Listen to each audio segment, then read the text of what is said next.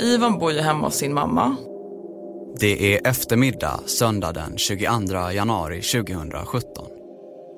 Ett eh, grått täcke av moln över Hallonbergen. I centrum hälsar folk god fortsättning. Dagen har redan hunnit bli mörk. Jag sa, Ivan, ska du, äta, ska du äta nu? Nej, det är lugnt, jag kommer sen. Ivan lämnar lägenheten på Lötsjövägen. Ut i kylan iklädd en svart Canada Goose. Där under en skottsäker skyddsväst. Klockan 19.01 skickar han ett sms till sin fästmö. Var försiktig, lita inte på någon. Någon minut senare fångas han tillsammans med sex personer på en övervakningskamera i Hallonbergens centrum. Det är ju den sista position vi har på Ivan med faktisk bild och vilka han då har rört sig med. En av dem, Fouad Saleh. Jag går ut från centrum. Jag promenerar upp mot Lötsjövägens garage. Sen jag promenerar in mot ungefär vid 87-89. Jag hörde ett skrik i garaget. Jag visste inte att det var Ivan.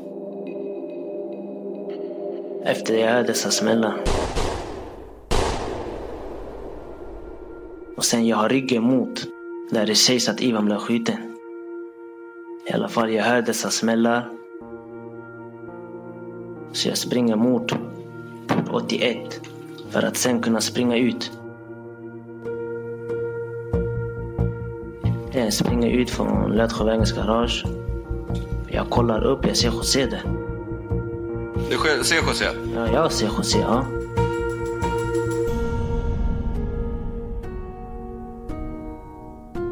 Mitt namn är Mårten Trofast och du lyssnar på En mörk historia, vittnesmordet i Hallonbergen. Avsnitt 2, Det okända vittnet. Jag heter Roger Jonsson, är kriminalinspektör. I januari 2017 så jobbar jag som utredare vid grova brott i Solna. Den 22 januari 2017 mördas 25-åriga Ivan Semedo. En eh, biljakt som polisen misstänker har startat i Hallonbergen tar slut när Ivan skjuts med två skott i huvudet vid avfarten till Karolinska sjukhuset i Solna. Vi har ju tre personer formellt häktade. Eh, vi tycker att vi har ett ganska bra material på dem. Det är en bilägare, bilen vi menar har varit med i den här biljakten. Vi har den som har kört bilen. Vi har den vars telefon har skickat de här hot-smsen. Stäng munnen, berätta annat. Så det är det konkreta vi har på de tre. Från en övervakningskamera i Hallonbergens centrum fångas Ivan tillsammans med sex andra personer. Cirka en halvtimme innan skotten vid avfarten till Karolinska. Tre av dem sitter häktade, misstänkta för mord. Vi hade ett ganska gott uh, läge mot just de tre. Övriga tre är fortfarande på fri fot. Vi hade ett eh, betydligt eh, sämre läge mot de andra. Eller snarare ingenting, för hade vi haft tillräckligt mycket då hade vi såklart gått på frihetsberövat dem. Men det hade vi inte i det här läget. Två av dem, Fouad Saleh och mannen med det yviga röda skägget, Mikael Mikko Chamon. Misstankarna vi hade, det är ju som sagt vi hade ju den här filmen. Där de eh, är två av ett antal personer som finns runt Ivan. Där vi kan i varje fall säga att en kort tid före eh, den första skjutningen i Hallonbergen, då är de här killarna tillsammans med Ivan. Men vi har inte tillräcklig bevisen för att kunna agera mot de andra. Så att där stod vi i det läget då. då. Några månader innan Ivan mördas har han blivit frisläppt efter att ha avtjänat ett fängelsestraff för grovt vapenbrott. Polisen misstänker att Ivan har varit en ledarfigur bland Hallonbergens unga kriminella. Hans frånvaro har skapat ett tomrum. Den information jag fått är att eh, Fouad har blivit ledare under tiden. Och min personliga uppfattning då är att det kanske finns någon form av då avundsjuka mellan Fouad gentemot eh, Ivan då när Ivan kommer tillbaka och kanske vill ta tillbaka den här ledarrollen. Under utredningens gång får polisen också inblick i vad det unga gänget med Fouad i spetsen sysslar med. att den här grupperingen har ägnat sig åt en ganska omfattande narkotikaförsäljning, narkotikahantering ska jag säga. Det kan vi med säkerhet säga. I utredningen av mordet på Ivan tror sig polisen veta att skottlossningen ägde rum någonstans i Hallonbergen. Men exakt var vet man ännu inte. Men sen är det fortfarande oklart var den första faktiska brottsplatsen där Ivan skadats, eh, skjutits i första läget är. Eh, och det börjar vi eh, och håller vi på hela tiden att försöka få fram mer information kring. Pö om pö kommer det in tips från flera personer som hört smällar ifrån Lötsjögaraget. Vi lägger ut lappar, vi kör dörrknackning, eh, vi lyssnar med folk, upprättar då listor på alla adresser som kan tänkas ha sett någonting eller veta någonting och så kontaktar man alla som fanns i de här trapphusen som bodde här vid det här tillfället. Så att vi kan säga att vi har pratat med alla som fanns i det här trapphuset vid det här tillfället och det finns ingen mer. Men det finns en person, ett eh, viktigt vittne som polisen inte får tag i än. José försökte närma sig mig eh, två gånger. Några dagar efter Ivans död är hans storebror Benny på väg hem. Han har nyligen varit hos sin mamma Fatima som bor mittemot José. När Benny kommer ut genom trapphusporten ser han hur José närmar sig.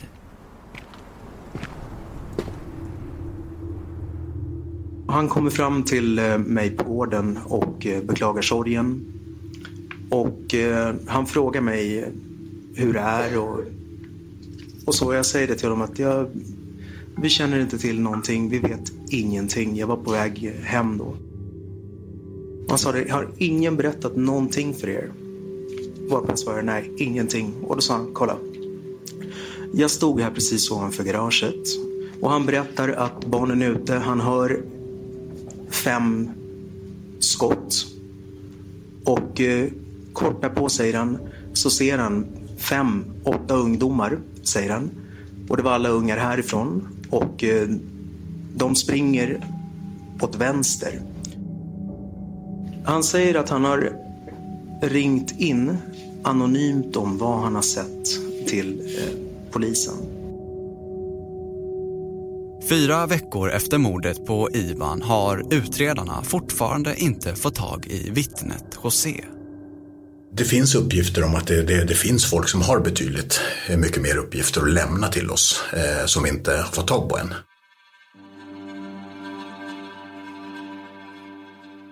Det är slutet av februari 2017 och Stockholm går in i sportlovsvecka. Det är där vi i utredningen får vår första kontakt med José. Det har gått över en månad sedan mordet på Ivan och först nu kommer mordutredningen i kontakt med José Axelsson.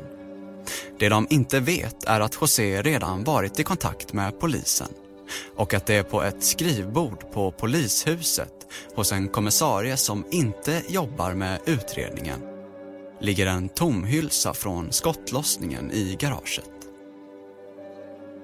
José säger ju till eh, så att säga den i mitt team, eh, förhörsledare som, som hade den här kontakten, att han har ju redan pratat med polisen. Så liksom, känner vi inte till det här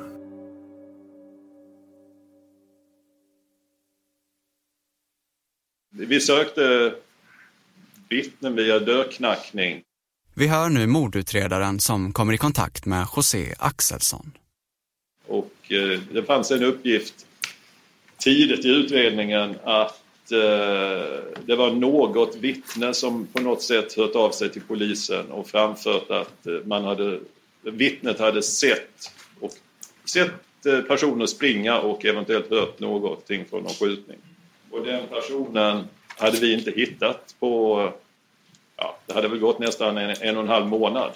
Och sen så fick jag en arbetsuppgift av Anette som var handläggare i ärendet att eh, kontakta familjen Axelsson. Jag fick en registerslagning och det fanns ett par telefonnummer som jag jobbade fram och till slut kom jag i kontakt med Josés fru. Hon sa att han hade uppgifter att lämna. Fem veckor efter mordet på Ivan ringer utredaren upp José för att kalla honom till förhör. Och den 1 mars 2017 kommer José till polisstationen i Solna. Han var ju tydlig med att eh, differentiera vad, vilka uppgifter han ville stå för i ett förhörsprotokoll eh, och eh, att han sen hade annan information i spaningssyfte att lämna. José vill inte stå för uppgifterna i ett formellt förhör. Om José skulle ställt upp på ett vanligt förhör hade hans uppgifter blivit allmänna om fallet går upp i domstol. Hans information hamnar nu istället i ett slags underrättelseuppslag inom polisen. Fanns det något skäl till att han inte ville stå för vissa uppgifter? Ja, han sa ju att han var rädd och inte ville och våga och, och så. Okej, vad är din uppfattning? Eh, Verkade han rädd?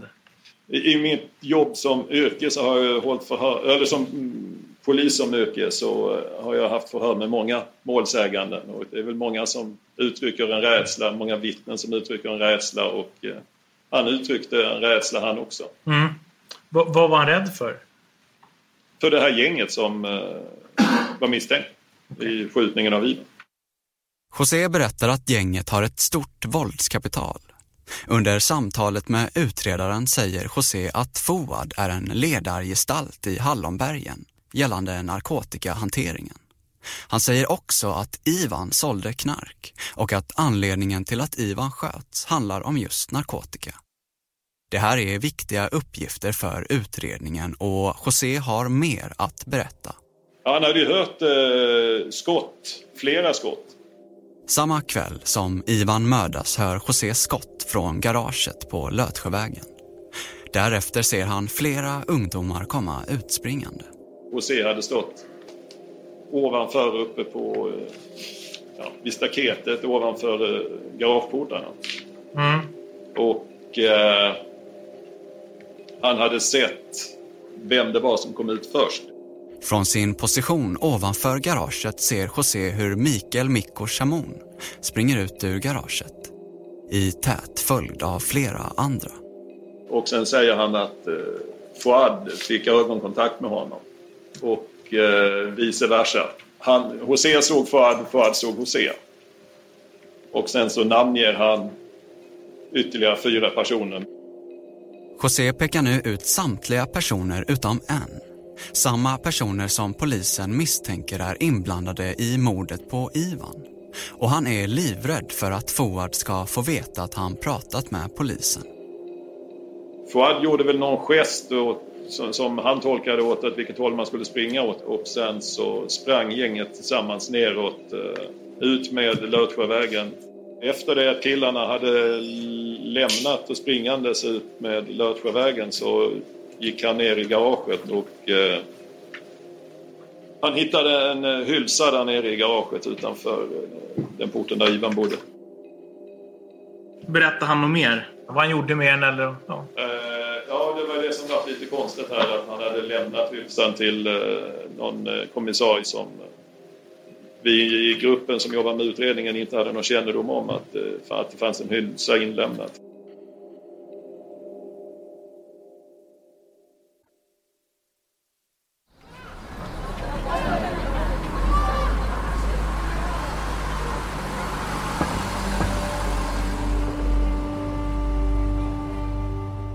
Historien om José Axelsson är lång och brokig.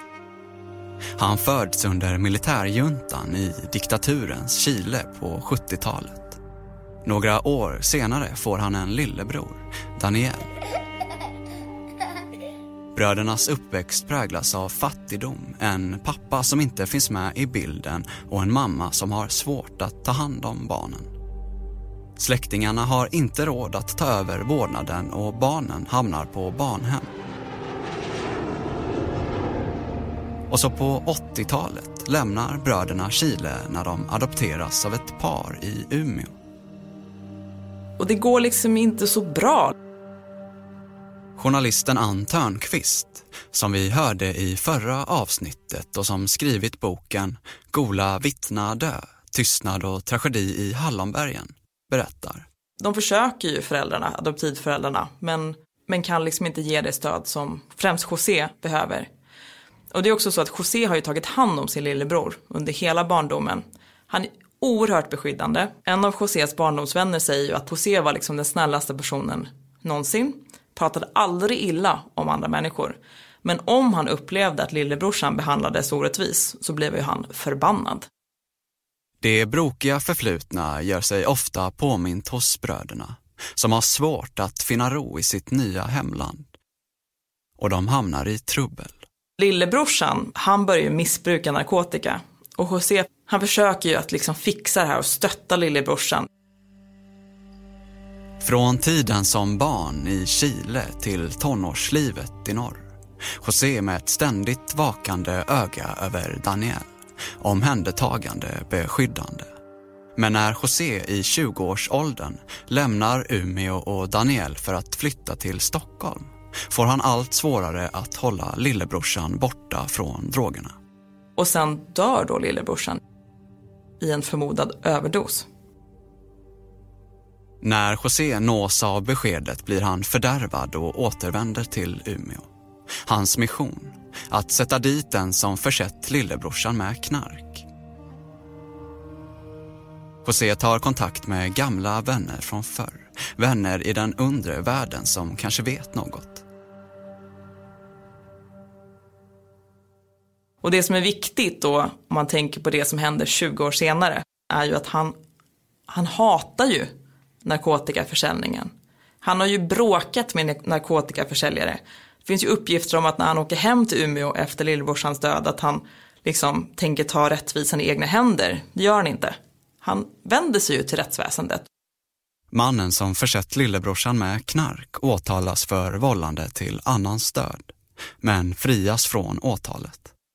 Något som sätter djupa spår hos José, som gör upp med sitt eget kriminella förflutna när han träffar Elisabeth. José börjar arbeta för Samhall och flyttar till Hallonbergen. 2001 får paret, som nu hunnit gifta sig, sitt första barn. En liten pojke. José och Elisabeth blir några år senare föräldrar till ytterligare en son. Och José vill egentligen flytta ifrån Hallonbergen. Han har sett hur ungdomar i trakten håller på med narkotika. Men när han själv 2015 diagnostiseras med tarmcancer blir hans egen relation till narkotika komplicerad. Det här är ju en väldigt komplex människa. Han hatar narkotikaförsäljningen eftersom lillebrorsan dog. Men han har haft så jävla ont på grund av cancern att han själv brukar cannabis. Alltså det är jättekomplext. Det är den 22 januari 2017. Klockan är strax efter sju på kvällen. José går ut på sin altan. Barnen leker på innergården. Det är kallt. Josés stubbiga frisyr skyddar honom knappast mot kölden. Kinderna under de bruna, klotformade ögonen rodnar av kyla. Andedräkten ryker. José fipplar med en cigarett, för den mot mungipan och ger eld. Söndagskvällen i Hallonbergen är stilla tyst. José tar ett bloss. Tobaken knastrar.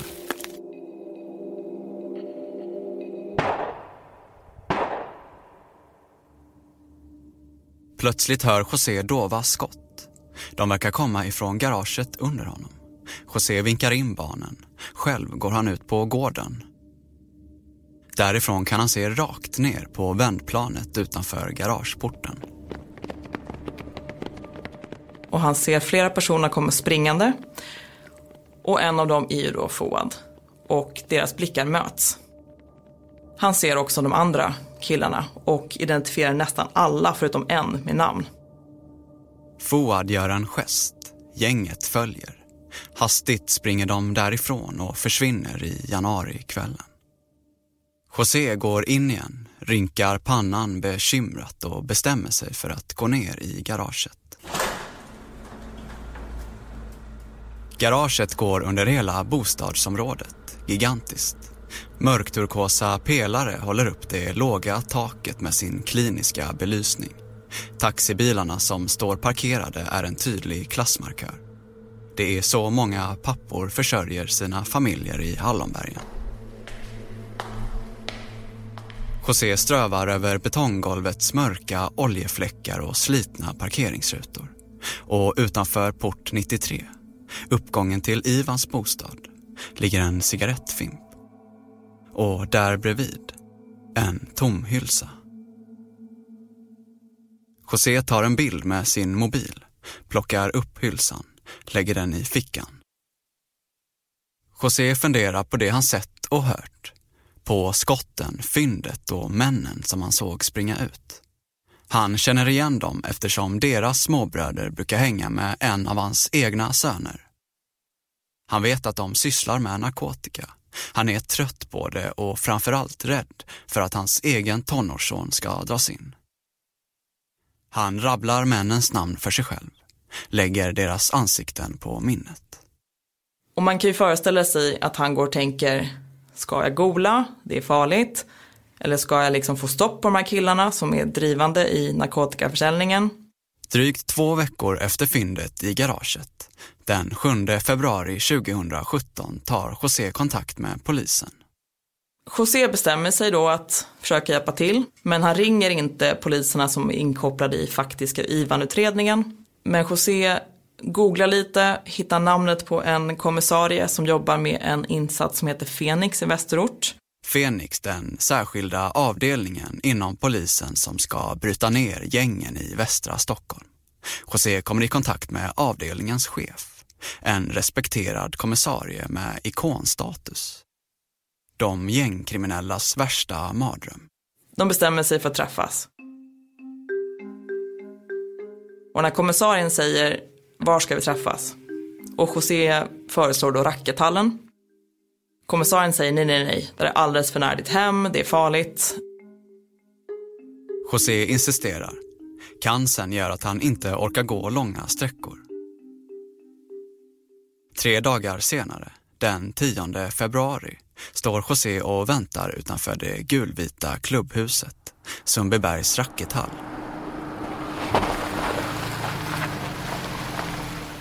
En civil polisbil rullar fram. José öppnar bakdörren, kilar in huvudet. I bilen sitter Fenix-kommissarien och hans kollega. Stämningen är allvarlig. José är skakig. Han sätter sig i baksätet. Nu finns det ingen återvändo. De hämtar upp honom, de kör omkring i bilen i en knapp halvtimme vad exakt det är José berättar under det här mötet kommer förbli en gåta. I slutet av det här mötet så ger han de här två poliserna hylsan som han plockade upp i garaget. De tar med sig hylsan tillbaks till eh, arbetsplatsen och så lägger de hylsan i en plastpåse, en liten så här, du vet, återförseglingsbar påse. Och den där hylsan ligger kvar i flera veckor på den här polismannens skrivbord. Drygt två veckor senare. Det är nu som en utredare som jobbar med den faktiska IVAN-utredningen får tag på José när han söker tänkbara vittnen i området. José berättar då att han ju redan pratat med Fenix-kommissarien. Mordutredaren ringer i sin tur Fenix-kommissarien som bekräftar att han har haft kontakt med José. Men han nämner inte ett ord om hylsan och inte heller vad José har berättat för honom. En tystnad som ska få förödande konsekvenser. Tre dagar senare, den 1 mars 2017, kommer José till polisstationen i Solna för att träffa mordutredaren. Det mest väsentliga ur det är ju att han namngav fem av de sex eh, som var utpekade som misstänkta i eh, Ivan-skjutningen. José berättar om skotten, hylsan, att han såg vilka som sprang ut från garaget och att han är rädd för att gänget ska få reda på att han pratat med polisen. Jag får ju den här informationen när jag kommer tillbaka sen på måndagen efter sportlovet här. Då eh, får jag och flera av oss andra klart för att den här kontakten har varit, eh, man har träffat José ett par gånger och så vidare. Då, då. På måndagen den 6 mars kommer spaningsledare Roger Jonsson tillbaka efter en veckas ledighet. Han nås nu av Josés uppgifter. Det är klart att eh, det här är jätteviktiga uppgifter. Det här är jätteintressant för oss att prata mera med, säkra de här uppgifterna. De är jätteviktiga då i utredningen kring vad som har hänt Ivan. Utredarna har nu äntligen lyckats få tag i ett oerhört viktigt vittne. José som kan peka ut sex stycken personer. Tre av dem sitter redan häktade. Tre är fortfarande på fri fot. Bland annat Mikko och Foad. Den 7 mars sitter jag hos polisen på ett möte och då är hela utredningsgruppen närvarande. Det är tisdagen den 7 mars. Klockan närmar sig nio på morgonen. Lätt snö faller utanför den bruna tegelbyggnaden, polisstationen i Solna. I ett utsättningsrum surrar en ventilationstrumma dovt. Runt konferensbordet i ljust trä sitter Roger Jonsson och hans utredningsteam på ena sidan. Åklagare Olof Kalmvik på den andra. De ska gå igenom vad som hänt under sportlovsveckan. Framför allt ska de gå igenom det stora klivet framåt som utredningen gjort. Vittnet Josés uppgifter. Vi, vi har inte suttit där så länge så minns jag att eh, en polis eller en gruppchef kommer in på mötet. Öppnar dörren in till utsättningsrum och talar om att det sker någonting i Hallonbergen här och nu. Och att det förmodligen involverar ett vittne.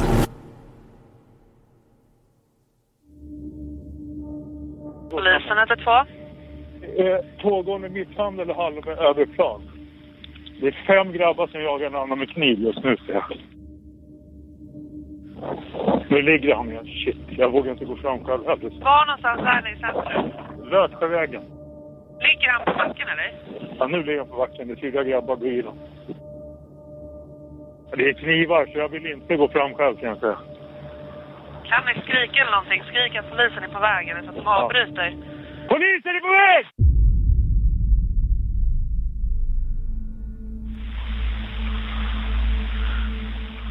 Är du framme med den här Ja. killen nu? Ja, nu går jag fram till killen. Han ligger utslagen. Ja. Lever han?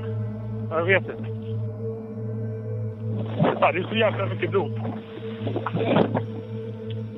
Ja, de har slagit honom helt tillsammans. Jag måste ha en ambulans på en gång. Hallå, hallå, hör du mig? Ja! Vi behöver en ambulans fort som ögat. Ja, de är på väg. Vi har en insats att de är på väg. Ja. Han lever, han lever. Han börjar andas där. Musta förband, vi måste trycka på en gång. Ha något eh, tyg, alltså något... Ja, de är knivhuggen helt och hållet. Ja. Nu är polisen här, ni hör dem.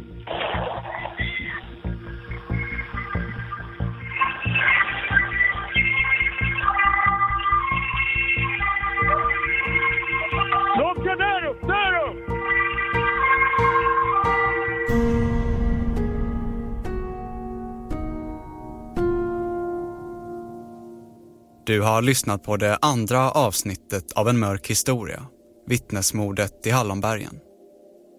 Hos Podmi kan du redan nu lyssna på samtliga delar. Vittnesmordet i Hallonbergen är en dokumentärserie av mig, Mårten Trofast. Producent var David Mer, ljudmix Gustav Sondén. En mörk historia görs av produktionsbolaget Just Stories.